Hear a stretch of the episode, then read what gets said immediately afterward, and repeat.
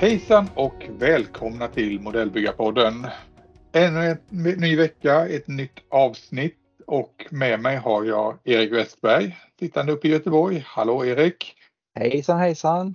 Ja, du är i full fart här och eh, förbereder inför C4 genom att göra färdigt modeller i löpande ja. band vill jag på säga. Ja, eh, jag är i lyckoruset av att ha klarat av att färdigställa ett bygge. Det mm. är ju inte alltid det går så bra, eh, men eh, nu hände det igår. Mm. Vi kan så. återkomma lite till det alldeles mm. strax. För jag tänker, vi har en eh, gäst med oss idag, Erik. Ja. Vi har, jag, en, jag, jag, en, vi har en mästare med oss. Jag känner en stor ära att få, få vara med ja. i det här samtalet. Jag har längtat efter det kan jag säga. Ja, vi har vad ska jag säga, vattnets äh, mästare här. Vattenmannen själv. Pos Poseidon själv. Poseidon och Triton. Johan Lindborg. Välkommen till podden igen Johan. Ja, tack så hemskt mycket. Jag, vet, jag, jag tittade runt omkring mig och tänkte vad pratar de om? det kan inte ja, vara jag. Det är ju inte första gången du är med här. Och Nej. Som vanligt när du är med så brukar det handla om eh, ja, flytetyg och saker som har med vatten att göra på olika sätt. Och idag ska vi prata väldigt mycket om just vatten i sig. är väl tänka, tanken. Ja. Men annars, vad händer i, i bygglivet just nu då? Nu är du inte i vatten har jag förstått. Nej, just nu hamnar jag i det motsatta elementet nästan rätt upp i luften. Så nu ska bygga flygplan från första världskriget. Eh, mm. Nej, jag satte igång med en sån här liten eh, snällbåt. Du vet den uh, Four, nej vad heter den? Jo, Four tror jag den heter, Models. Mm. Sen ja, började komma ganska långt och sen bara kände jag nej minsann, nu vill jag ha en paus. det har byggts många båtar på raken, alltså tänkte jag nej, blev lite sugen uh, på något annat. Och sen satt jag och tittade på Netflix, den här Flyboys, första världskrigsfilm. Ja. Ja, och så tänkte jag, ja då var det kört. Så tänkte jag, nej jag måste köpa ett eh, nytt första världskrigsflygplan så det blev en, eh, en eh, Fokker DR1 friplanet. Och jag tänkte inte bygga den som en Röde Baronen utan det ska bli han, vad heter han, Herman Voss heter han tror jag. Mm. Werner Voss. Werner Voss var det kanske. Werner Voss. En spännande målning på planet som jag tänkte, ja den, den ska vi prova. Mm. Ja. Så det är väl det ja, det, är, det är lite streaking på det, det målningsschemat. Jajamensan, de hade ju ett lite speciellt kamouflage. Eh, så att jag tänkte det, det, det ska vi prova. Så jag satt och målade på sån plastikal för att se om, hur man kan realisera det. Eh, och då kom jag fram till en briljant lösning när jag hade gjort ett, ett antal experiment. Att man kunde köpa färdiga dekaler. Så okay. att det blir färdiga dekaler som man kan klistra på liksom. Eh, eh, så det mm. fanns ett kit för Mengs modell. Det, är, ja, det är Mengs modell du har köpt och, ska, ja, och bygger. Ja. Hur är den i kvaliteten? Helt fantastisk, alltså riktigt bra. Det måste jag säga, den är riktigt, riktigt bra. Den är, och det är, är det 1 48 eller nej, 32? 32 ja. Okay. Alltså otroligt krispiga gjutningar och det, jag, jag har en halvfärdig Copper Estate, vad heter den, Newport. Mm. Uh, denna skulle jag nästan vilja säga är bättre när det gäller passform och, och gjutningar. Riktigt, riktigt bra. Och dessutom billigare också än Copper Staten. Uh, jag vet inte, det var ju någon som sa att det var Wingnut Wings hade ju uh, något samarbete med Meng, att de kanske hade gjutit, gjort gjutningarna till Fockern. Ja, det skulle inte förvåna mig för att den är, den är fin, riktigt bra. Mm. Ja, eh, jag höll på att säga, du, det väl komma en ny tv-serie också nu om, eh, var det bombflygare som Ja, eh, det var Apple som det? skulle komma med det. Det var ja, 20, Tom, Hanks, Tom Hanks var igång med någonting igen. Ihop med... 26 januari skulle det börja. Mm. Det var ja, någonting, alltså Band of Brothers 3 då typ. Ja. Så den, eh, den kommer säkert bli jättebra. då kommer vi bli inspirerade på nytt. Så då köper vi B17 allihopa. Ja. Antagligen. Vad säger du om det Erik? Jag laddar ju för Napoleon den 22 november. Oh, ja.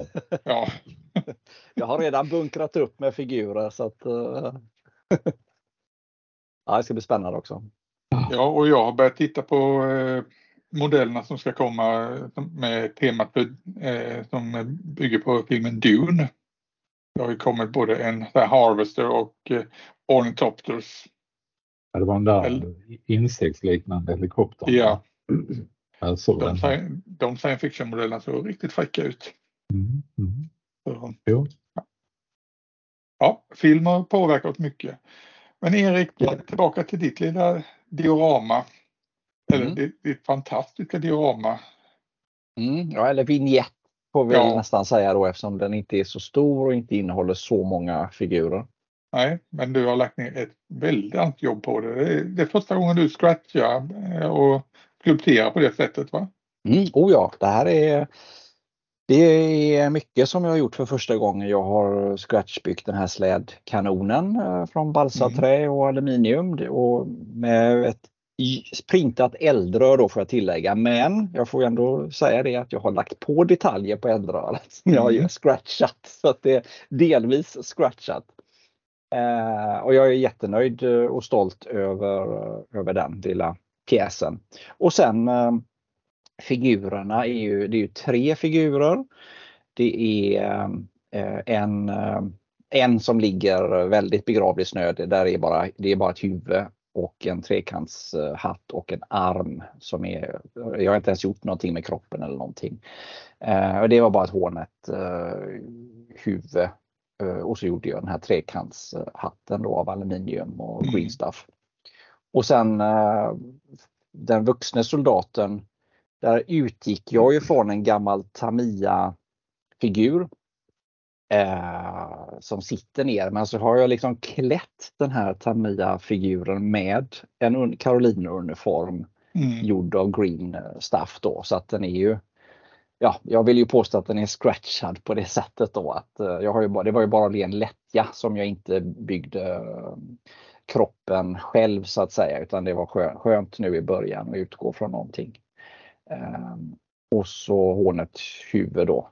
Och sen pojken, trumslagarpojken som sitter bredvid, där har jag faktiskt, där tog jag då en eh, en pojke från det här AK-kittet som jag förbannade så. Ja, du, rant, du rantade om det sättet. Jag, jag får faktiskt krypa till korset lite där och erkänna att det, jag kanske i ett svagt ögonblick sa att man kunde slänga det där. Men, men det, det, ska man inte göra såklart. Det går alltid att använda till något. Ja. Och där använde jag ju faktiskt eh, kroppen och hu huvudet i, i A-case då, men kroppen klädde jag även den då med en eh, Carolina-uniform och så scratchbyggde jag en mössa. Eh, en Carpus då som sitter på huvudet ja. på, på pojken. Då. Men du, har det gett mer smak det här eh, skulpterandet? Mm. Jo men det har det såklart. Nu, nu kände man ju att uh, det var jättesvårt och, och, och, det är så mycket som jag hade velat göra bättre. Men uh, ja, det var ju första, första figuren så det är klart jag kan inte förvänta mig att det blir jättebra, eller ja, så väldigt bra. Men jag känner ju det att det gav mer smak och jag känner väl också att uh, när jag har gjort två, tre, fyra till så kan det ju faktiskt börja bli hyggligt bra. Mm. Så att, ja, så det, mm. Då har du i alla fall du har kommit över den här tröskeln i alla fall, det första motståndet. Nu är du inte rädd för det längre. Nej, nej men det får jag väl ändå säga. Det tycker jag. Men nu har jag också beställt, eh, jag har inte hämtat, eller jag har inte fått det paketet än. Jag har ju då, nu har jag jobbat med Green Stuff men jag har också beställt det här Magic Sculpt. Eh, mm. som, som uh, finns och det vill jag prova också och se skillnaden mellan att jobba i de två materialen då. Har ni gjort mm. någonting med Magic Sculpt eller Greenstuff så.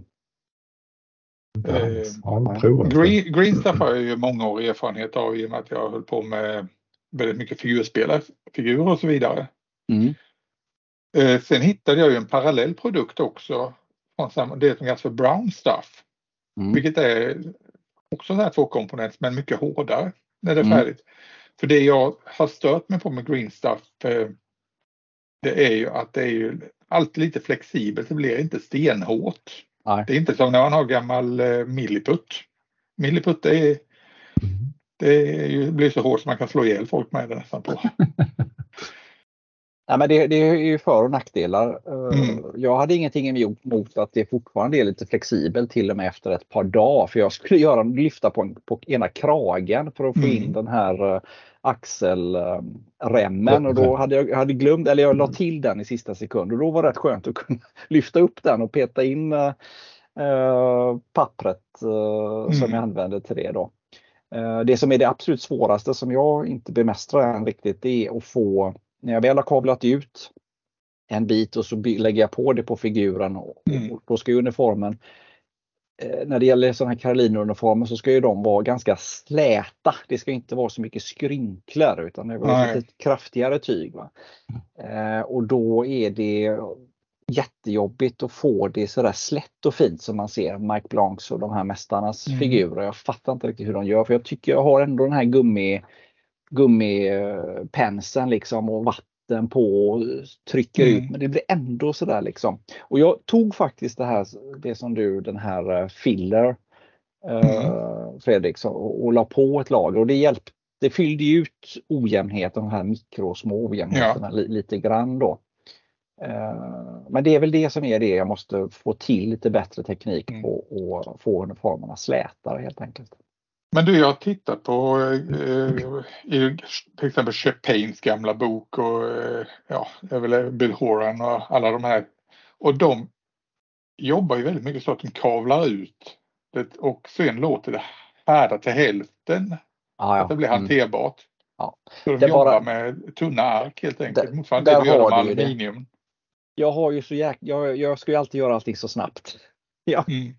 det, det, är väl det, jag, jag har inte tålamodet. För jag, jag, det, och jag har ju läst den här jäkla eh, boken också men jag, jag är, jag är för ivrig. Mm. Så det är självklart precis som du säger, om jag låter det ligga och stelna en uh, timma kanske efter man har kavlat ut det så uh, är det ju inte lika um, blir det inte lika, påverkas inte lika mycket när jag jobbar in det i materialet. Då.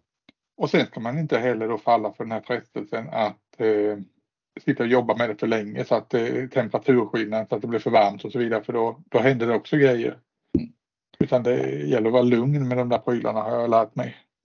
En jätterolig sak, det var pojken då.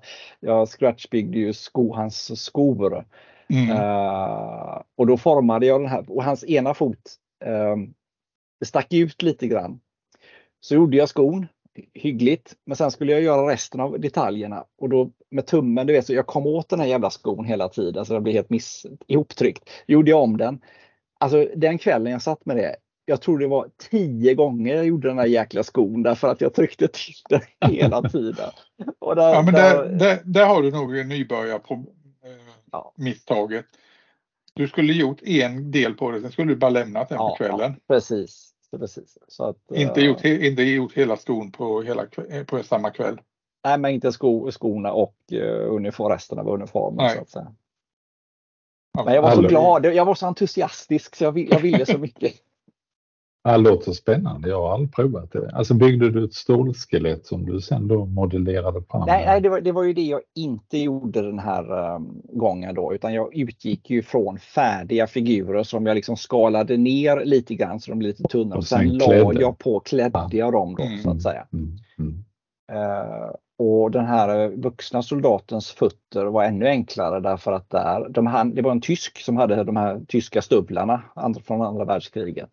Och där helt enkelt så ska jag till, jag tällde om så att säga stövlarna till mm. Karolines skor och, så mm. övre delen av, av uh, stuven den skar jag ner så pass mycket så det blev ju hans strumpa så att säga. Mm. Så det var väldigt, uh, det var tacksamt faktiskt. Så det, mm. Ja. Där var det bara ja. själva uniformen jag behövde göra. Ja, jag såg den nu. Uh, var det igår du visade på? Uh, ja, jag la upp den igår natt. Mm. Ja, det, var, det var riktigt bra. Precis som när man satt och bläddrade i den här boken när man var liten. Det var, alltså, det var, tag, ja, det var, ja, det var ju boken jag var helt uppslukad av. Så det var ju väldigt viktigt för mig att uh, få till det. Att, att det ja. faktiskt skulle likna boken eller ge samma känsla. Mm. Uh, och det, jag får säga, jag tycker faktiskt att det blev uh, hyggligt bra. Så att jag, jag tar ju med mm. den till C4 så jag hoppas att uh, många kommer ner och den står utställd i tema, temaklassen där. Då. Mm. Ja, det ska bli jättespännande att få se den i verkligheten. Mm. Som sagt, bilderna det gav en eh, riktigt så här ödslig, kall känsla. Mm. Jo, men när man ser det i verkligheten så, så finns den känslan. Absolut, det gör det. Mm. Gott.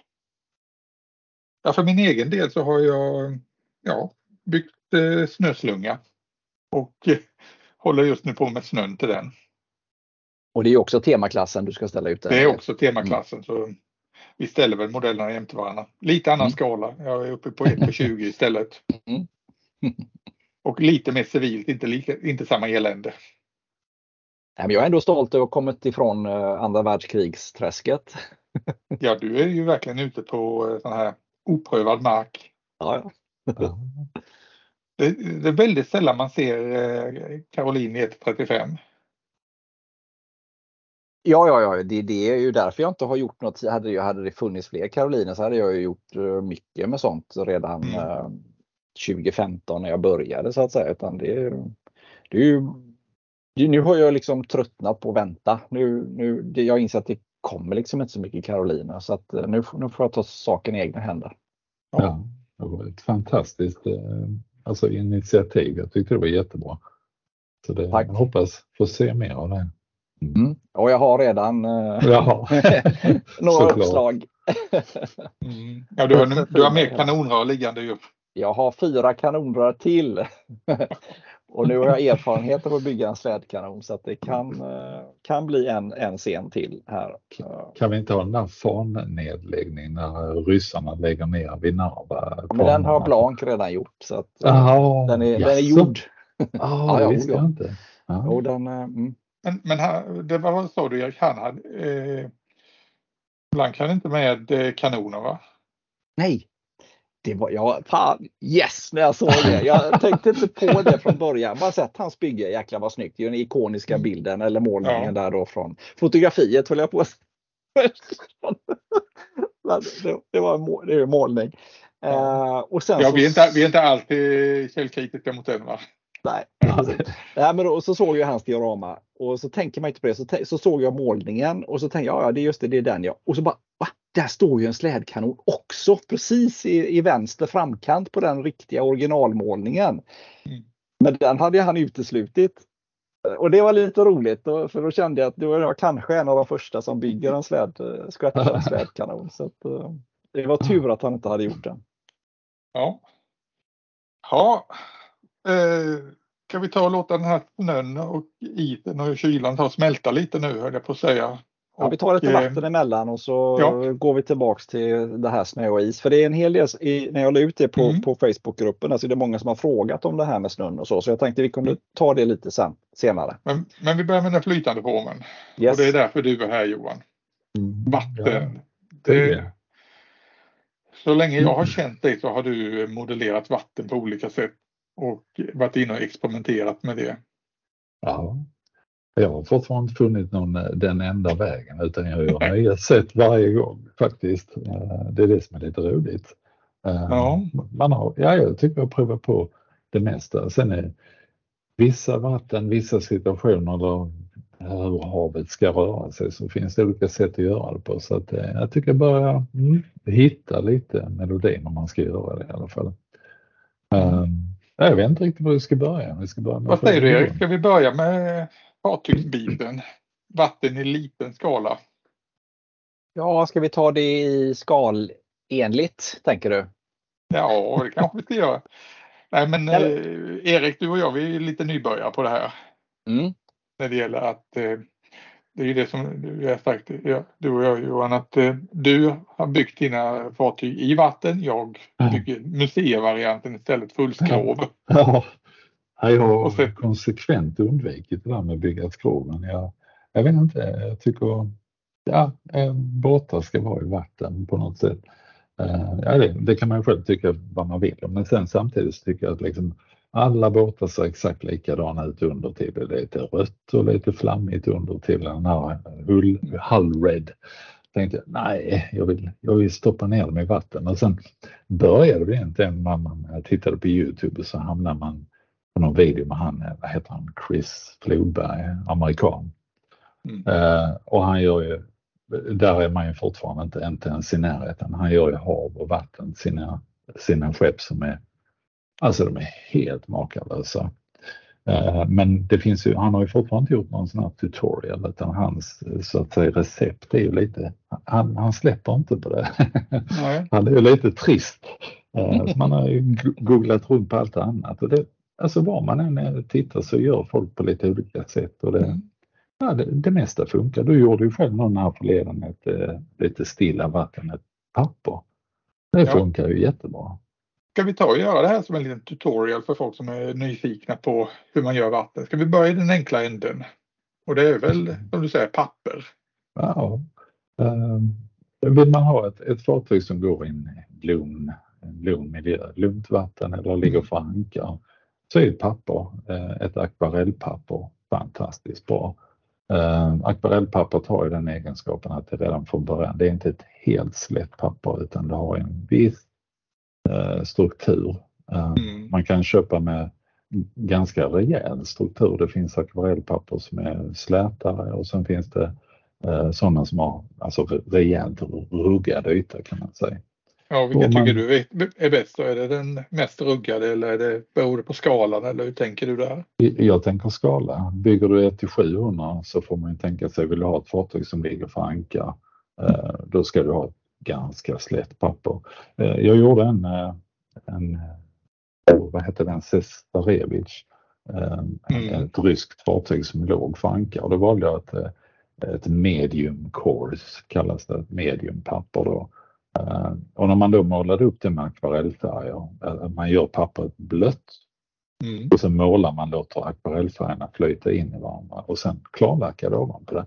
Ja, det blev, det blev riktigt, riktigt bra faktiskt. Så du, sen, du, gjorde, du körde det alltså som om du hade målat skulle måla en vanlig akvarell då? Ja, ja men det är inte airbrush på det. Jag målar med akvarell. Så jag körde vått i vått, att man, ett akvarellpapper blöter man upp så att det är riktigt blött. Mm. Eh, och sen hade jag väl en, kan det varit en tre, fyra olika blåa nyanser eh, som jag då lät flyta ut i varandra och då fick man liksom en melerad yta som bara eh, och jag försökte hålla nära fartyget, höll jag det ganska ljust och sen utåt så blev det mörkare och mörkare. Mm. Men just själva ytan då, den, den, fick det här livet och när man då la klarlacken ovanpå så, nej, den, det var en sån här, oh vad nöjd jag var kommer ihåg när jag fick till det. Du där Johan, bara. Ja. Hur, när, för du måste ju limmat fast pappret på, eller fäst det på en basplatta. När, när gjorde du det så att säga? Det gjorde jag först. Först limmade ja. med vitlim och sen när det hade torkat ordentligt så att det hade alltså ett dygn kanske eller två dygn. Eh, sen blötte jag, fuktade pappret mm. ovanifrån. Mm. Eh, och då band, alltså det är så pass tjockt akvarellpapper så att det, det lossnar inte av att man fuktade det. Mm. Eh, och, så, och, då slipper man ju också det här problemet man kan få att det, det bubblar sig och sånt. Mm. Så att eh, limma på först och sen måla. Och man kan ju airbrusha om man vill eller mm. Alltså jag tyckte penselmålningen var bra. Eh, just akvarellpappret är så underbart för att det, färgerna flyter ut i varandra. Man får de här bländningarna. Alltså man bländar ihop färgerna utan att det blir skarpa kontraster. Det, mm. det sköter sig själv. Liksom. Jag som har svårt att vänta två dygn på att vitlök ska torka. Hade man rent tekniskt sett tror du kunnat eh, sätta det fast det med dubbelhäftande tejp rejält? Liksom trycka dit det? Eller hade det, finns det risk att det hade lossnat när du blöter upp pappret? Ja, risk finns ju men eh, alltså de blir inte så blöta som ett vanligt papper utan eh, de är så pass tjocka så att det tror jag hade gått. Ja, man kan ju Därmed, testa på en bit. Ja, jag, jag men Erik, jag tror, jag tror det räcker med att du liksom gör det på kvällen och sen ja, när du sätter dig vid byggbordet dagen därpå ja, så har det torkat ihop om du använder vanlig vitlim. Mm. Ja, det gör det. Det funkar. Nej, jag, eh, när jag gjorde min lilla jankdeplod där, jag airbrushade ju istället. Jag kom ju inte ens att tänka på att jag skulle använda akvarellfärger. Det, ja, jag var väl alldeles för fast i modellbyggartänket. Ja. Ja, jag målade lite akvarell förr så att eh, för mig just i den situationen passade det jättebra. Och det, det går ju med vilka vattenfärger som helst. Man behöver inte gå och köpa några fina dyra akvarellfärger utan vanliga. Jag tror till och med det var som så, jag jobbade som lärare, jag råkade väl låna lite i, i bildsalen när det var mm. vattenfärg. Fredrik, orsaken till att du tar till airbrushen, det är ju inte så konstigt. Den står ju 50 centimeter ifrån dig på byggbordet, alltid redo liksom. Ja, det är bara att sträcka ut höga armen så har jag, har jag den i näven. Ja, så är det. Jag måste gå ut i garaget varje gång jag ska ut och airbrusha någonting så det finns liksom en tröskel för mig. Det har jag också, samma. Exakt samma situation. Ja, Okej, okay, jag är bortskämd. Ja, nej men sen sa du lacka ovanpå det hela. Ja, och då, då brukar jag använda mitt favoritlack när man gör färg. Det, det heter Liquitex. Okej. Okay. Liquitex det kan man köpa på Skapa Mera sådana high gloss varnish pensla ut, det levlar ut sig själv och lägger sig fantastiskt fint. Jättebra. Det blir inga bubblor av det då? Nej, det blir inte. Bubblorna försvinner. Hur torr ska färgen vara när du lägger på lacken? Ska det vara alltså? Pappret är torrt. Ja. Eller ytan har målat airbrushat ska vara torr. Mm. Mm. Och verkligen den ska vara torr. För det, det är helt bra du säger. För jag vet någon gång jag hade målat med eh, Tamiya-färg. Eh, sen hade jag kanske inte väntat tillräckligt länge och på detta och då märkte man att det började, det faktiskt löstes upp lite. Så att eh, man kan säkert köra med hårtork ovanpå lite grann så att man får eh, härda färgen först. Nej, för jag körde ju black på. Och, ja, och den bubblade va? Det, ja, och det förstod jag ju att jag använde fel pensel. Att, ja att jag var för snabb också så att det blev ju luftbubblor i det. Jag har en sån här en bred pensel när jag målar på mm. lack. En flat bred pensel bara. Och sen alltså, det är man ganska ymnigt. Ja, jag var väl för snabb där och det blir det är ju samma problem jag på att säga, som när man kan jobba med resin och så vidare. Man får inte hålla på och vifta runt i det för mycket för då kommer det in för mycket luft i det. Nej, ja, precis. Det gör det. Då får man de här irriterande småbubblorna överallt. Mm. Det kan jag ju till och med märka när jag målar figurer i en 35 ibland att man är lite snabb och det kan bli en luftbubbla ja, till och med. Ja, det får ja. man vara jäkligt försiktig med. Alltså. Men den eh, Liquitex-lacken den är eh, högblank då? Ja, högblank. Jag har inte provat den. Den är vattenlös. Jag skulle kunna mm. tänka mig att den går alldeles utmärkt på airbrush. Jag har inte provat att använda den när alltså man vill ha en klarlagd på modell men ja, kanske funkar. Den blir alltså riktigt, riktigt blank i, eh, som på en havsyta. Den funkar bra. Mm. Ja, för det är ju skillnaden jämfört med Modpodge. För Modpodge kan du bygga upp och det kan du få en struktur på det. Ja, det kan man. Då har jag en annan fantastisk. Om man då vill bygga upp någonting så hade vi den här lilla, eh, vad heter den, Woodland Scenics. Mm. En bok som heter så här och de heter Water Waves. Water Waves. Är helt klar, du ser att den är klar, genomskinlig. Mm. Och den är nu ser vi det men inte de som lyssnar på oss. Nej, men man kanske kan lägga upp en liten bild på eh, Instagram. Jag kan lägga upp det själv på Facebook. Ja. Det som är bra med den är att den, eh, om man låter den härda lite så kan du Alltså med en glasspinne man kan bygga upp vågor och det håller formen. Okay, riktigt höga vågor eller? Ja, och du kan bygga rejäla vågor med denna. Fantastisk alltså. Eh, så detta, jag provade det nu senast på en Corvette jag byggde. Jag skulle bygga själva bogsvallet och då byggde jag upp det, själva svall, eh, själva tunneln kan man säga då, mm. med detta. Funkade hur bra som helst. Jaha. Mm. Det låter som ett mirakelmedel. Ja, det var det.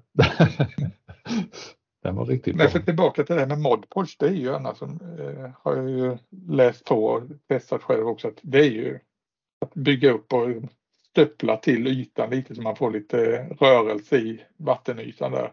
Och man kan använda, använda airbrushen ju för att ja. eh, skapa vad ska jag säga, vattenvirvlar. Ja, då kan jag komma med nästa tips, Liquitex igen. du är inne på Liquitex. Ja, de är jättebra. Eh, det finns, alltså om du tänker dig som modpodge du har som är mm. lite tjockare. Detta är ännu tjockare och bubblar oh. inte heller. Okay. Då heter det gloss medium varnish. Så att det, det är som en uh, modpodge fast lite tjockare. Så man kan, uh, om man lägger på ett rejält lager så kan man låta den torka en liten stund. Sen, som mm. du så kan man stöppla så får man allt mobiler. Ja. Men är det typ, genomskinlig? Helt, helt glasklar när det okay. torkar. Och då kan man lägga det... i lite, lite färg så man får en havs... Du kan, absolut. Det blir som resin då egentligen? Ja, ja, det kan det bli om du vill ha till exempel ett vågsprut. Att vågtopparna är den, de här lite azurblåa eller eh, atlantgröna är uppe i toppen. Ja, då kan du tona med lite mm. färg i det. Skymper det någonting då? Nej. Nej.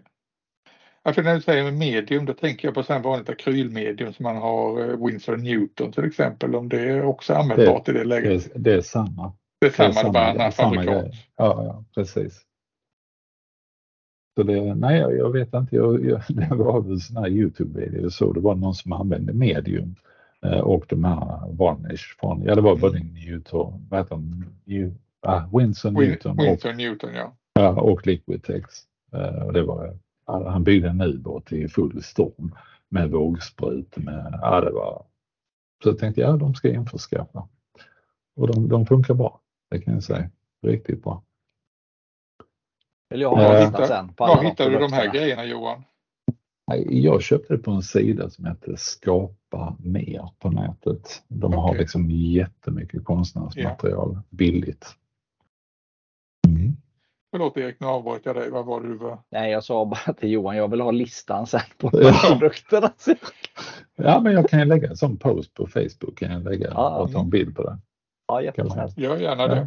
Ja. Ja. ja. Men, ja, men då hade vi ett lugnt vatten. vatten. Ett stilla vatten, ja. ja. Mm. Och ska man bygga ett litet ett, ett hav med rörelse det är ju rätt svårt och det har jag inte riktigt fått kläm på än. Men, uh, jo, då, det har du väl absolut fått ja. med tanke på dina stora Corvette i 144 ja. där. Ja, och då, då, kan man liksom inte bygga själva havet med, med de här produkterna utan då får man se till att själva basen man bygger skeppet mm. på är uh, först grundformad och då brukar jag använda, vad heter det, heter det PS, inte frigolit utan alltså ja, Frigolit och... Ja, man, jag brukar köpa det på Byggmax, stora ja. ark. Eh, så sågar man till en, en lagom bit och sen så markerar man ut för sitt skepp om man vill ha det. Eh, och där måste man använda fullskrov för att när man då eh, har ett skepp i rörelse så kan man inte köpa de här waterline för då, då passar inte skeppet kanske riktigt i ett våglandskap. Och när man då har format, tagit ut själva hålet för skeppet så så kan man då påbörja själva ytan eh, och då eh, Ja, man kan göra på olika sätt. Man kan ju använda en grov rasp eller hobbyknivar, brytblad och forma eh, själva ytan som man vill ha, alltså i grundform hur vågorna ska röra sig. Eh, jag har köpt en sån här eh, frigolitskärare. Det är som en tråd Mm. Ser, ser ut som en pilbåge bara, en liten pilbåge. Ja, en, en handhållen Precis, ja. precis ja. Och då kan man brukar rita först vilken riktning, var vågorna går och vilket avstånd det är mellan dem. Och sen skär man ut grovt kan man väl säga och, och själva ytan ska vara eh, och höga topparna och dalarna ska vara så skär man ut det med, med, eh, med frigolitskärm. Jag vill, min, jag vill minnas att när det gällde den här eh, Flower Class-korvetten, eh, Revels modell, att du hade ett foto där det var en väldigt utmanande pose där i princip hela fören låg i luften. Ja, jag att, den red, att den red en ja, våg eller? Ja, den eh, hoppade, alltså den eh, bröt klöv en våg. Ja, den klöv. Med det. Den klöv en våg, hoppar, alltså tar sig mm. fram genom ett alltså, riktigt stormigt hav. Och då tänkte jag att den, den bilden vill jag ha, liksom, för den var dramatisk. Man ser hela fartyget resa sig upp på en vågkam. Ehm, uh, och då, då skar jag ut en våg som var högre än de andra. Så att, säga. Så att hela ja, den finns på Facebook, man kan titta på den där. Uh, så att liksom aktorskeppet har sjunkit ner djupt medan stäven och fören då pekar rätt så brant uppåt. Uh, det, ja, blev rätt så dramatiskt tyckte jag. Men då hade du det här kärnan då av styrolit och sen skulpterade du på detta. Ja, och där kan man göra jättemånga. Jag har sett människor som man, eh, man använder, eh, vad heter det, aluminiumfolie som man rullar ihop till eller trycker ihop i små bitar och limmar ovanpå XPS-formen. Mm. Eh, vissa använder toalettpapper. man doppar eller bara lägger på toalettarkspapper och sen så häller du på väldigt, väldigt utspädd vitlim ovanpå. Och då kan man liksom puffa runt det här så att man eh, eh själva pappret och det, det, ja, det blir som krusningar på, på, på ytan. Mm. Eh, det tycker jag funkar rätt bra. Så på den här korvetten tror jag nog, jag gjorde inte det utan där byggde jag nog med, med modelllera. Sån här ja, typ terrakottalera som jag... Ja, daslera, lufttorkande. ja, daslera som jag alltså la ut ovanpå, tunt, tunt, tunt. Uh, för att liksom jämna ut. I och med att jag gick i en större skala, den var ju 1 till 144, då, mm. då vill jag ändå ha, alltså inte för spretig yta utan jag vill ha en ganska jämn. Så jag höll på länge med det. Med, ja, skulptera med fingrarna eller nitrilhandskar, man vill inte bli smutsig. um, och sen när det hade torkat, det, tyvärr Erik, det tog några dagar. uh, så, uh, det var det värt. det var det värt. Så, uh, så uh, la jag ovanpå det, ja usch ja det var en hel process där kommer jag ihåg. Då tog jag aluminiumfolie, ett stort ark, skrynklade ihop det till en boll och sen ovanpå eh, leran så bara eh, målade på vitlim, täckte hela, tunt lager. Och sen vecklade jag ut eh, aluminiumfoliet, la ovanpå detta, slätade till det. Men då fick du ändå eh, alltså en eh, krusad yta som passade till vågorna. Hade man i det ögonblicket gått in och målat alltihopa, då hade det blivit väldigt vackert av. Alltså själva de här väcken i aluminiumet blir vasst. Eh, och då såg jag någon, det är länge sedan, en kille på Youtube, hans kanal heter Scale Tune tror jag, han bygger allt möjligt. Eh, han brukar göra så här med aluminiumfolie, men när han har lagt aluminiumfolien så lägger han ovanpå det flera lager vitlim som han målar på, låter torka. Nytt lager vitlim, låter torka. Och då får du en, en riktigt så mjuk och vacker yta men ändå med djup i. Sen målar man på det. Erik, du kan lägga ner den här idén direkt. Det tar för hallå, hallå, hallå. Jag gjorde mitt lilla diorama med den japanska ubåtsjagaren. Där hade jag tittat på Johan och lyssnat ja. och gjort min läxa. Så där mm. gjorde jag precis det här. Ja. Och jag hade tålamod och lät trälimmet torka säkert flera ja. timmar i alla fall mellan varje lager. Ja. Men det blev bra. Det blev mm. hyggligt bra.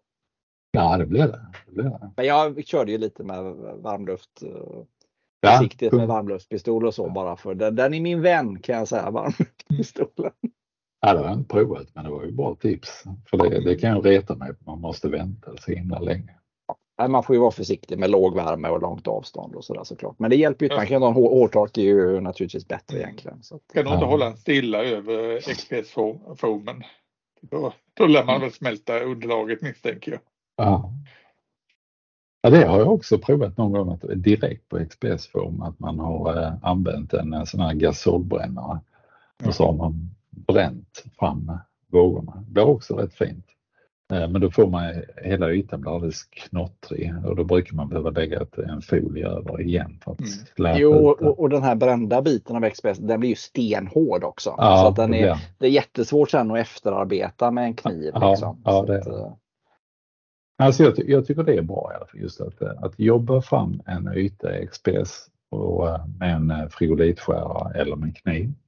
Mm. Uh, och, och sen då lägga på kanske lera om man nu vill forma det ytterligare höja på vissa ställen och kanske alltså forma upp landskapet som man vill ha det. Och sen då använda antingen ja, hushållspapper, toalettpapper och vitlim eller det här med aluminiumfolie. Funkar jättebra. Mm.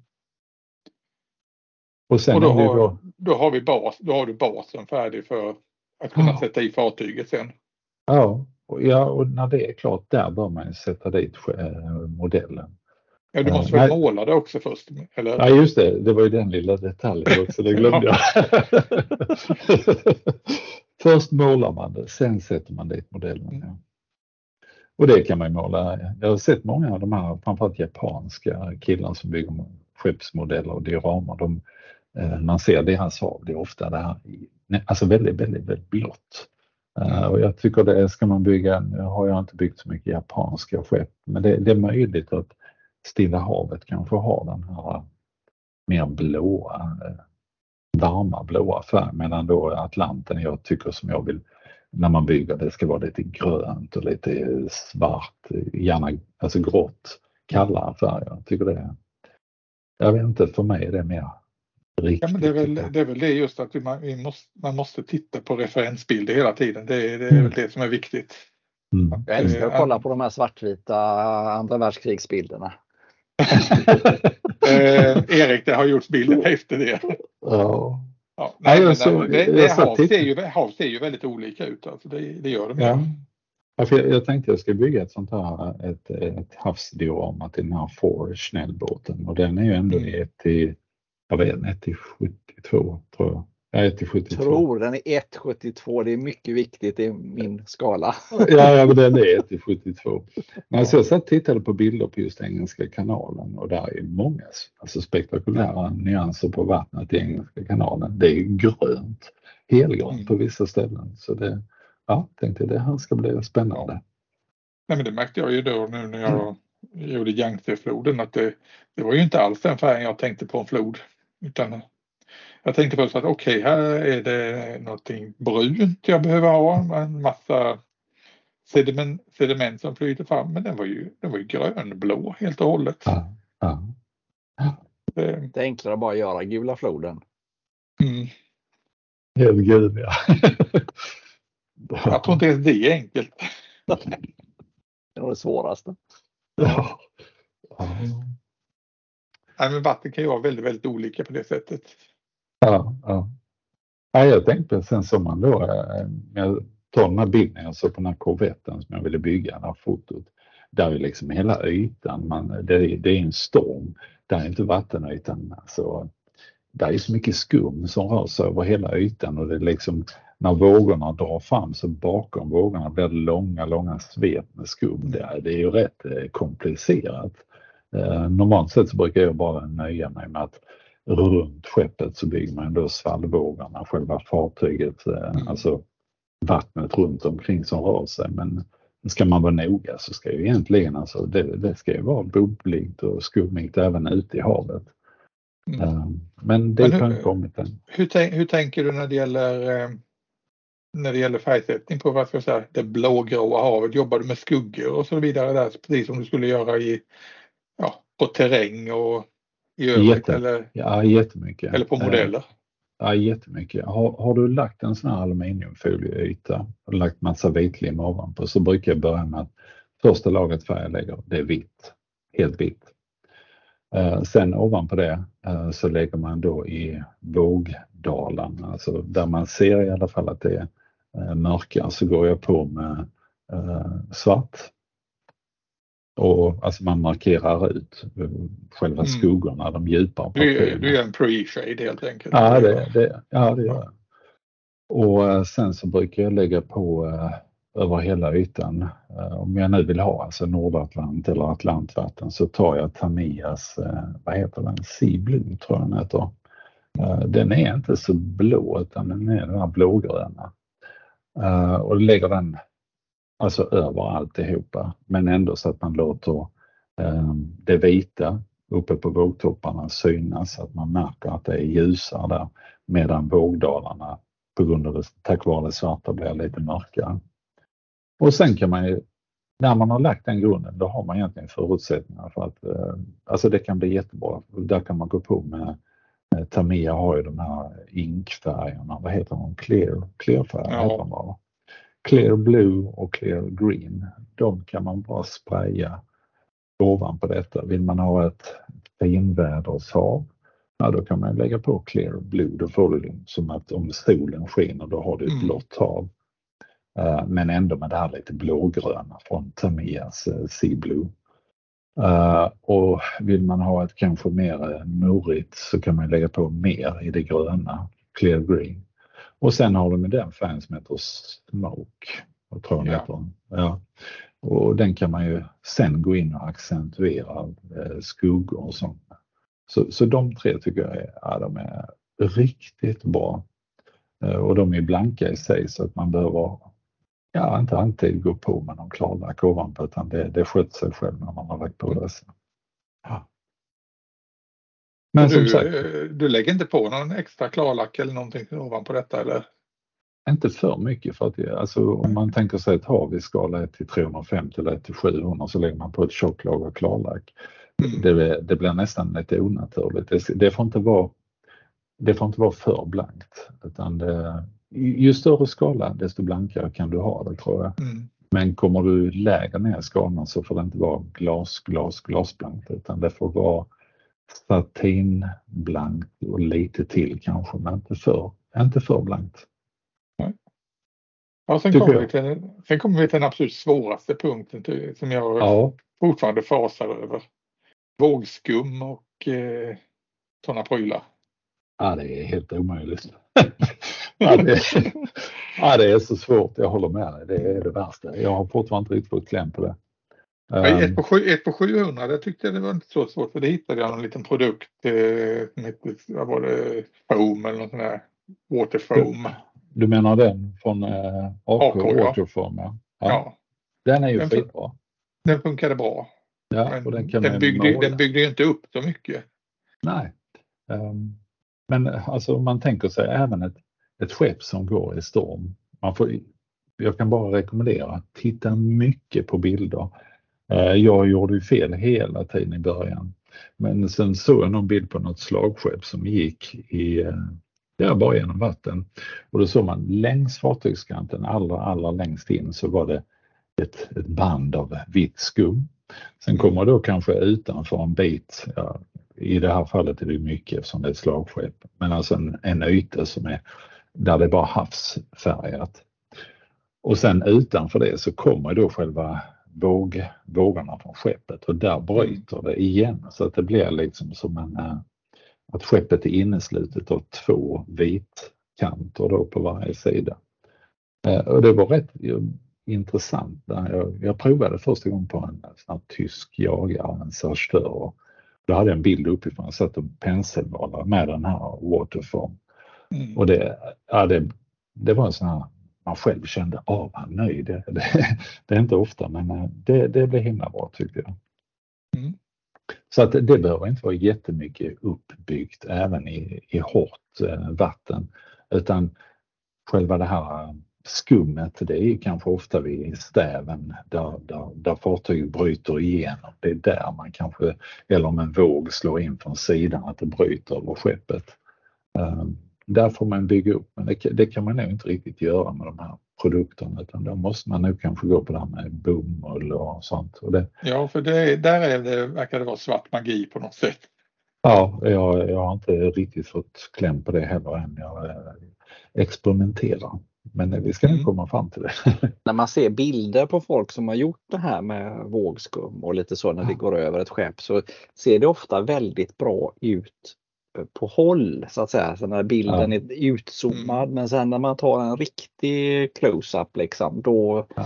Ja. då är det svårt, ser man hur svårt det är att få det verkligt alltså. Ja, jag, jag vet, för jag provade på eh, när korvetten gjorde, då ovanpå det här svallet jag gjorde så la jag bomull. Och när det väl hade fastnat i det så, och torkat så fick man där, alltså det, det blev som ett moln ovanpå, det, det såg inte bra ut. Eh, men då kom jag på att man kunde dra med en flat pensel och någon sån här Liquitex eh, tunt ovanpå så man drog ner bomullen så att där, på vissa delar i bomullen så blev det liksom som, eh, vad ska man säga, ja det klibbade ihop sig och bildade trådar. Som, det blir lite sockervadd över det hela? Ja lite grann men det, det gav faktiskt en bättre vatteneffekt men det blev inte jättebra. Det, det tycker jag inte. Så det, det, är svårt. Det är jättesvårt. Um, men ja. ja. man får prova sig fram. Alltså det verkar, det, det man ser de som, som sagt gör det, det, det verkar vara rena magin. När man, ja. Eh, hur man lägger dit det. Men jag såg någon, han hade byggt en, eh, en snällbåt också, den jag satt och tittade på. Och där hade han värmt en, en plastskiva, en blank plastskiva som han värmde för att forma den till själva den här formen en, en bogsvall har. Ja. Och sen, sen klistrade han dit den eh, runt fartyget och ovanpå det så tog han sådana här, det du, vi pratade om innan Fredrik, sådana mikroballonger. Ja. Eh, som han hade blandat upp med, ja, sådana, alltså vanligt akrylmedel som är blankt. Eh, mikroballonger och sånt här som han, han alltså i tjocka lager bara la på och det, det så helt fantastiskt ut. Så det, det mm. tänkte jag faktiskt jag ska prova med att man kan eh, Det låter använda, intressant. Ja, tunna plastark och liksom kanske måla ovanpå dem med tjock färg. Mm. För att ja, skapa effekten. Nu, jag vet, eh, du och jag Erik, vi pratade vid något tillfälle om det här med hur, jag tror det var du och jag som snackade om att hur ska man, hur blött ska däcket vara? Vad ska man göra med det som är ovanför vattenlinjen på fartyget? Vad ser realistiskt ut? Hur tänker du där Johan? Ja. Ett fartygsdäck i full storm, det är ju genomblött egentligen. Ja, det är ju det. Eh, och egentligen så kan man väl kanske komma undan. Jag, jag tror inte man ska lägga på eh, sådana, vad heter de, eh, ah, stillwater, AK stillwater och sånt, det blir för tjockt. Utan jag, jag tror man får gå med airbrush, tunna, tunna lager och lägga på klarlagt tunt.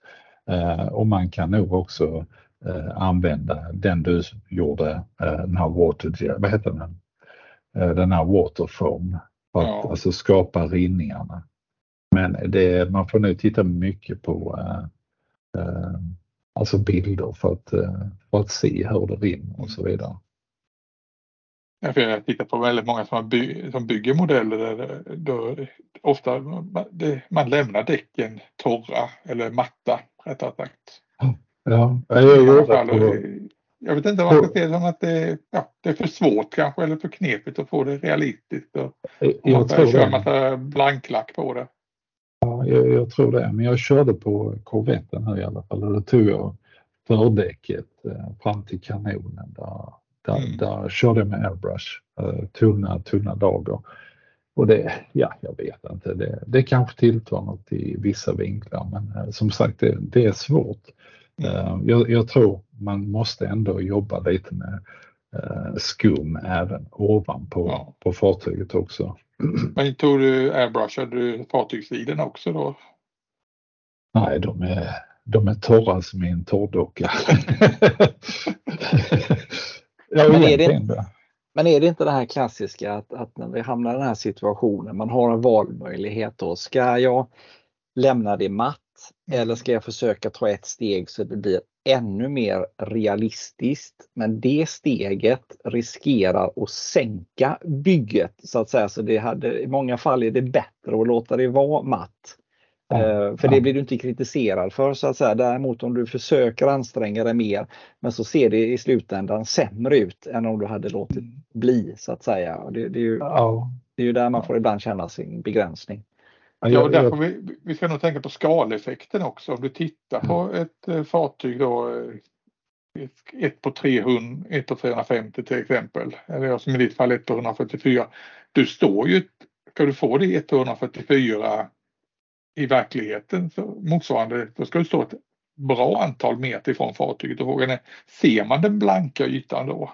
Nej, nej jag tror inte det. Jag tror inte det heller. Eh, men jag vet att jag, jag experimenterar lite med själva stäven som stack upp. Den, mm. den gjorde jag rejält blöt under till och det gjorde jag med ja, någon sån här gloss medium som jag använde. Mm. Eh, och då gjorde jag också att eh, man avrinningar från skeppet. Det gjorde jag med, jag lät sån här medium torka på uh, overheadfilm. Mm. Och sen, sen, kunde du då uh, bara limma dit det? Japp. Ja. Ja, har vi, uh, har vi mer att tillägga om vatten i den här skalan? Nej, jag höll på att tappa rösten kände jag. Ja. Det är väldigt inspirerande att höra dig. Mm. Det är, uh, man blir ju sugen och mm. fortsätta laborera själv. Ja, men det, men det var att testa. Ja, men sen har du har ju gett dig på vatten även. Du har ju varit inne på i resinträsket också så att säga när det gäller vatten. Det var inte så länge sedan du var där och experimenterade även om modellen eh, ja, du färdigställde väl den inte riktigt eller hur var det? Den där lilla miniubåten? Uh, jag kommer inte ihåg, vilken var det? Ja, var det en, eh, var det en Biber eller en Marder eller vad heter den där lilla? Ah, jo, den, nej, den strandade ubåten, där hade du väl vatten också? För... Ja, den strandade rätt ner i soptunnan tyvärr. Ja. men, ja, men ibland blir det så. Alltså, man man mm. testar, man provar så går det Ja. Det är kul att testa. Men det, hörde hur väl han hade förträngt det är ju. Fredrik, ja, det var liksom, ja. vadå, vad pratar om? Ja, ja. Nej men det, det intressanta där Johan, det är just att eh, du har ju jobbat som sagt även med resinvatten som är då, där vi kan få verkligen djup på saker och ting och där man kan mm. jobba på djupet och då pratar vi annan skala när, vi, när man är uppe på 1 till 35 eller 1 till 72 eller liknande saker. Fast jag gjorde en ubåt i 144 eh, en som stiger upp ur eh, havet. Den finns ja, på en Instagram-sida, Skimodel mm. Hobby. Uh, och där gjorde jag vattnet i resin. Mm. Och vad, eh, jag på säga, vad, vad är åsikten om, det, om resin? Vad ska man tänka på där? Aldrig mer. nej, det var det. Nej, det kommer jag inte jobba med. Jag, ty jag tyckte det var, det luktade och det var, nej, usch. Nej men ändå, du har gjort det flera gånger. Det, även om vi kommer bort från fartyg. Du har gjort eh, stridsvagnar som har stigit upp i vatten. Du har, ja, det har varit lite olika sådana saker. Uh, jag, vill ju, jag vill ju hävda att du har ju ändå varit inne och experimenterat ganska mycket i det där. Ja, när det gäller de gjorde jag. Ja, det, det kommer jag ihåg. Den, det var en liten Dragon-modell. Det var nog 172 också tror jag. En pansar, nej en stug. Nej, jag kommer inte ihåg vilket det var. Det var den som gick upp för en flodbank va? Ja, väldigt, ja. väldigt snyggt. Ja, den, den blev bra faktiskt, det kommer jag ihåg. Mm. Och det, det var, gjorde man liksom som en, en standbox och sen fyllde jag den med resin eh, och sen satte jag ner modellen. Men, ja, eh, risken är att man eh, det, det, kan bli katastrofalt när man jobbar med resin för det, det kan läcka och sådana grejer. Så att, eh, jag tror inte jag kommer göra det eh, flera gånger. Utan det, det blir nog att hålla sig till sådana här XPS-form istället. Inte som man ser en del eh, modeller som gjuter in ubåtar helt och hållet i resin och liknande saker, gör sådana stora pjäser. Nej, jag tycker det är, det är rätt så dyrt också. Och det kan, ska man göra en sån här modell som är nedsänkt, det, det är en liter resin man får använda. Så Måste bli tungt som bara den. ja, det lär det bli. Det lär det bli. Och sen är väl hela det här, nu vet jag inte om de är snällare de här eh, resintyperna som är just för modellbygge men värmeutveckling och att man får göra det i flera lager och, och sen måste hela botten vara tät. Jag har testat, jag har testat med resin då hade ju varit eh, luftbubblor som har stigit upp i botten. Mm, mm. Eh, du gjorde inte mitt första misstag jag gjorde. Du gjorde också en stridsvagn. Det var nog eh, det första gången jag använde. Då använde jag eh, AKs resin. Och då hade, in, då gjorde jag, då hade jag bara målat en XPS-skiva. Lagt på mm. lite sån här akryl, du vet sån grus och sånt. Och sen, ja, sen byggde jag en låda runt det, tätade upp det och sen hällde jag på den här resinen. Och den blev varm. så då satte jag den i mitt hobbyrum på skrivbordet. Lämnade över natten, kom tillbaka på morgonen. Då hade den bränt hål rätt igenom eh, alltså den här XPSen. Så jag hade en, ja, ner i bordet, golvet, det hade runnit sådana här välsign överallt. Så att, ja, det, ja, det var, det var inte jättekul. den var, ja, det var ingen succé, det kan jag säga. Mm. Men eh, då lärde man sig den hårda vägen mm. att eh, man ska nu se till att man inte gör det på XPS-sporten utan eller på något annat. Ja. Nej, men eh, som sagt, mitt första misstag där, det var ju att eh, jag hade inte förseglat botten ordentligt utan det var eh, det steg upp luftbubblor. Jag hade en för porös botten med eh, ja. undervegetation och grejer. Så det såg ut som ett eh, så här metangasproducerande träsk i den där vattenytan. Det var bubblor överallt. Ja, ja. Och de, de, fast, de fastnade ju i resinet tack vare att eh, resinet hann ju härda innan luft, luftbubblorna ja, steg upp. Ja, jag vet hur man kan gå med en eh, tändare ovanpå det och bränna mm. bort det. Liksom. Men det, är de på djupet så, så kommer de aldrig upp. Jag tror faktiskt det var det som gjorde att jag, just det, nu, nu minns jag, nu klarnade minnet. Den här ubåten du sa som låg på stranden, det var därför den gick i soptunnan. Det var just detta, det var bubbelmonster som anföll. Jag hade gjort massa pappväxter. Och jag var så nöjd med de här och jag hade gjort ett nät som hade slingat in i propellern. Och, ja, men det såg man ingenting av för det ser ut som en sån här akvariepump hade vevat runt i bubblor överallt. Nej, jag, nej, jag som inte har testat resinen, jag har ju det kvar på min to-do-list. Och, jag är sån, jag måste alltid göra det tre gånger för de två första går åt helvete. Så jag hör ju här att det kommer gå åt helvete. En, ja. två, kanske till och med tre gånger innan det blir hyggligt bra. Tunna lager, jobba med tunna lager. Ja. Men ja. sen, alltså, ska man ha vatten i små mängder, typ en bäck eller något sånt där, då har jag faktiskt upptäckt att eh, UV-resin är rätt så schysst att jobba med. Ja, jag har inte eh, provat. Men jag vet att du gjorde det... på din sån plåt Niklas, gjorde du inte det? Jo, det, plåtpolisen mm. där hade jag, jag använde UV-resin i, eh, till vattnet i diket.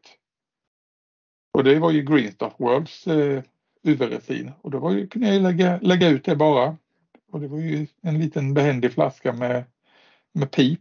Och det, och det kunde få stå där liksom och jämna ut sig och man kunde, såg man någon bubbla kunde man peta väck den och så vidare. Sen var det bara att gå över med det med en UV-lampa. Ja, det har ju alla hemma. Ja.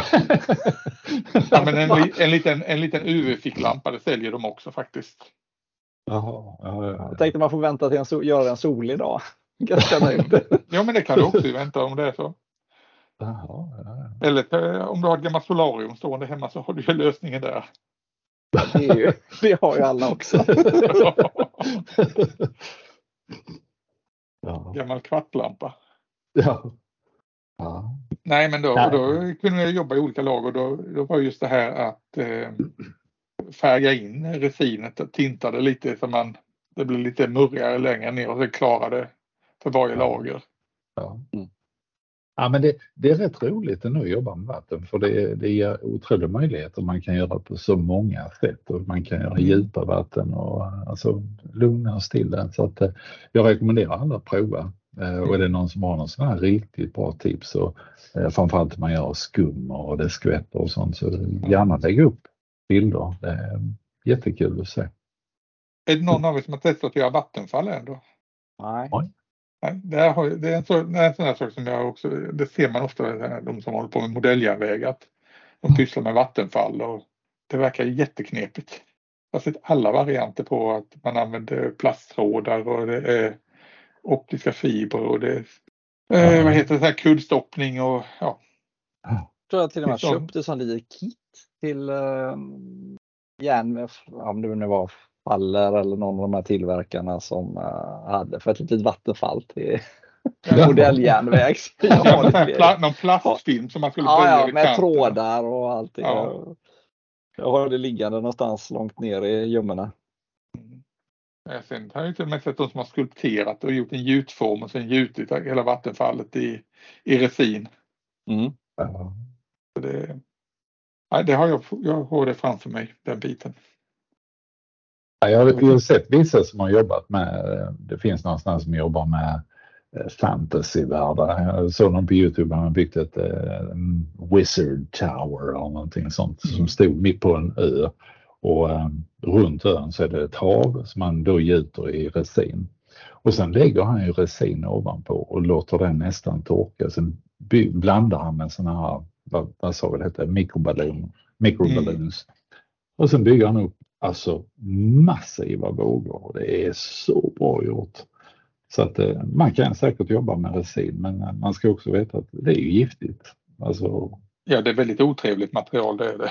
Ja, det är det. Så att då, då vill jag nog hellre jobba vidare och prova med alltså vanliga akrylfärger och akrylmedium. Det, mm. det känns ja. tryggare. Nej, vad säger ni? Har vi pratat tillräckligt länge? Eh... Snö var det också. Vatten. Snö ville du prata om. Vill du ta det nu Erik eller ska vi ta det i ett särskilt avsnitt? Nej då, det är så snabbt. Nej, men jag vill bara flika in en grej och det var det här nu, för det var många som kommenterade. Jag skrev ju där att jag gjorde snön i, med, bikar, med hjälp av bikarbonat. Och det var många som uh, frågade, ja, men gulnar inte det med tiden och sådär då? Och det hörde jag ju också det här när jag skulle testa snö för många år sedan första, mm. första gången. Jag har köpt eh, sådana här eh, modellsnö och sånt som jag har testat med men, men jag testade bikarbonat för fyra år sedan eller någonting på ett bygge. Och det bygget har jag tittat på så sent som för ett par veckor sedan. Alltså den snön är kritvit fortfarande. Så att jag vill bara säga det att bikarbonat, det gulnar säkert efter 8-10 år eller någonting. Mm. Alltså. Det gör det och det gör säkert de här modell ja. köpesnö också. Um, men jag menar, ska, ska man spara ett diorama så länge så Ja, det, alltså, det, var, det var som någon skrev där och frågade. Ja, men då tänkte jag att ja, men om du nu lägger på bikarbonat och ganska mycket på ett diorama och så börjar det gulna efter åtta år om du nu ens har intresse av att spara det här mm. dioramat. Ja, det är ju faktiskt inte värre än att bara pudra på lite nytt bikarbonat. Det är ju vitt igen i, i tio år till liksom. Så det, jag ser det inte som ett uh, problem utan våga testa bikarbonat för det är så egentligen bara pudra på. Och, och, hur fäster det? Alltså hur ja, men det jo men då kan man ta eh, antingen som i mitt fall, jag, jag, hade spackel, en sorts spackel som jag blandade ut med vatten från början mm. och då var ju det mm. fortfarande fuktigt och då la jag, la jag på bikarbonat. Ja. Sen om du ska bygga upp ett tjockt lager med bikarbonat då gjorde jag så att jag la först eh, ett lager och sen så la jag på mer och sen kan man droppa på eh, vanlig sprit eller desinfektionsmedel eller någonting liksom på. Mm. Och då, då gör det att även om det medlet avdunstar så har det ändå gjort att, att bikarbonat har liksom smält ihop lite grann. Och sen, får du, sen penslar du, strör du på ett nytt lager med bikarbonat ovanpå medan mm. det här spriten är fuktig fortfarande så att säga. Sen, sen på det här Karolinebygget så är det, det är ju faktiskt så att det är ju mycket av den snön som inte sitter fast så att säga utan som jag har bara lagt på. Men så länge den inte kommer i någon kraftig rörelse så ligger ju det kvar så att säga. Ja, men det är bra man... att veta Erik, för om jag blir sur, får sura uppstötningar nere på C4 så ska jag gå och slicka, slicka på ditt Karoliner diorama då alltså. Ja. Nej, men, så det, men, men äh, vi, li, blött spackel eller naturligtvis vitlim mm. utspätt med vatten som man strör på och sen äh, det funkar jättebra och så alkohol då som sagt var. Det, mm. Alkohol är inte bra. Ja, ja. ja alkohol överhuvudtaget det här med att pudra på med, med IPA eller eh, alltså isopropanol. Eller IPA? Ta spray. Jag trodde du började Ja, nu börjar vi närma oss slutet av avsnittet tror jag. Nej, men alltså att eh, eh, spraya på med isopropanol innan man applicerar eh, trälim. Mm. Det är ju bra i alla lägen för det, det bryter ju ytspänningen. ytspänningen. Ja, precis. För det är annars ett mitt klassiskt nybörjarmisstag som många gör att okej, okay, varför pärlar sig mitt eh, utspädda vitlim? Varför, lägger, varför sjunker det inte ner ordentligt? Varför? Mm. Mm. Och det kan ju, det kan ju bli, eh, och då är vi egentligen utanför det här med, med vatten, men eh, eh, när man gör vanlig terräng och kanske har pudrat på jord eller grus eller någonting och så droppar man på eh, vitlim och så lägger det sig i små pölar där runt om. Och så ser det, ser det ut som en konstig liten eh, strandvarelse eller sjöborra eller någonting har hållit på Men eh, jag tycker det går jättebra för jag menar eh, bikarbonat är ju betydligt billigare än att köpa de här produkterna från modellföretagen. Det är ju jättebilligt. Ja, och, och sen, eh, alltså det är ett jätteviktigt tips det är ju att när man strör ut det så använder jag en sån här T-sil liksom som jag lägger i. Eller, eller jag har en eh, en halv T-sid så att säga, alltså som bara ett nät på under, som, en litet, eh, som ett durkslag, minidurkslag så att säga. Mm. Och så har jag en tesked med bikarbonat och sen så häller jag det så att T-silen sprider ut det. Det är det, är det som är hemligheten, tricket så att säga för att få det att se sådär nyfallet och pudrigt ut. Man kan mm. inte bara stå med, eller man kan bara strö det med fingrarna så, men det blir just det här med silen, det är det som får, det är lite magin i det hela så att säga. Ja, och man blir klumpigt. Mm. Ja, det blir inte helt, det blir inte så fint. Och, men sen de här, jag hade ju, det var ju små, små, små växter som jag hade med på det här bygget och så ville jag ju få att jag fäst lite snö på dem. Men då tog jag bara en tandpetare och så med lite sprit som jag duttade på växten och sen sprinklade jag på mm. snön och så fäste det och det stannar kvar liksom. Och det kan man ju ta med vitlim eh, också såklart men mm. Uh, men det är så jäkla enkelt så jag vill slå ett slag för eh, bikarbonat. Det är billigt och enkelt, ofarligt och mm. ja, jag gillar det som fasen alltså. Ja, eh, det ska bli intressant att se för jag kör ju på mitt lilla vinterdiorama hem med min eh, snöslunga en annan variant. Jag kör ju mikroballonger och eh, AK, Ice Sparkles. Jag vill ju ha den här krispiga, eh, vad ska jag säga, eh, midvinternatseffekten med den här frostiga snön. Mm. Mm. när man har varit ute, som man har upplevt så många gånger när man har gått ute och svurit över att man måste skotta. Och det är svinkallt och gnistrar överallt. Ja. ja, det gör vi alla här i Skåne så det är lugnt. Nej. Ja, det, var väl skäl, det var skälet till att jag flyttade till Halland också. Ja. Ett av skälen. Ja. Klapp en hel del snöskottning. Mm. Nej men det är, vi kommer nog ha lite olika utseende på, på snön Erik när vi jämför ja, modellerna så... nere på C4. Plötsligt ser mitt bikarbonat ut som skit jämfört med det. Nej då, men alltså vi jobbar i olika skalor också ju. Det är ju ja. det, är det som är lite intressant. Mm. Ja. Jo, och det, det, var ju det jag lite, jag, jag har ju en planer på att göra ett uh, 1 till 700 med en ubåt, lite så mm. arktisk miljö så att säga. Och, och då insåg jag ju plötsligt att ja, shit, där kan man ju inte använda bikarbonat så det är ju alldeles för grovt så att säga. Utan där, mm.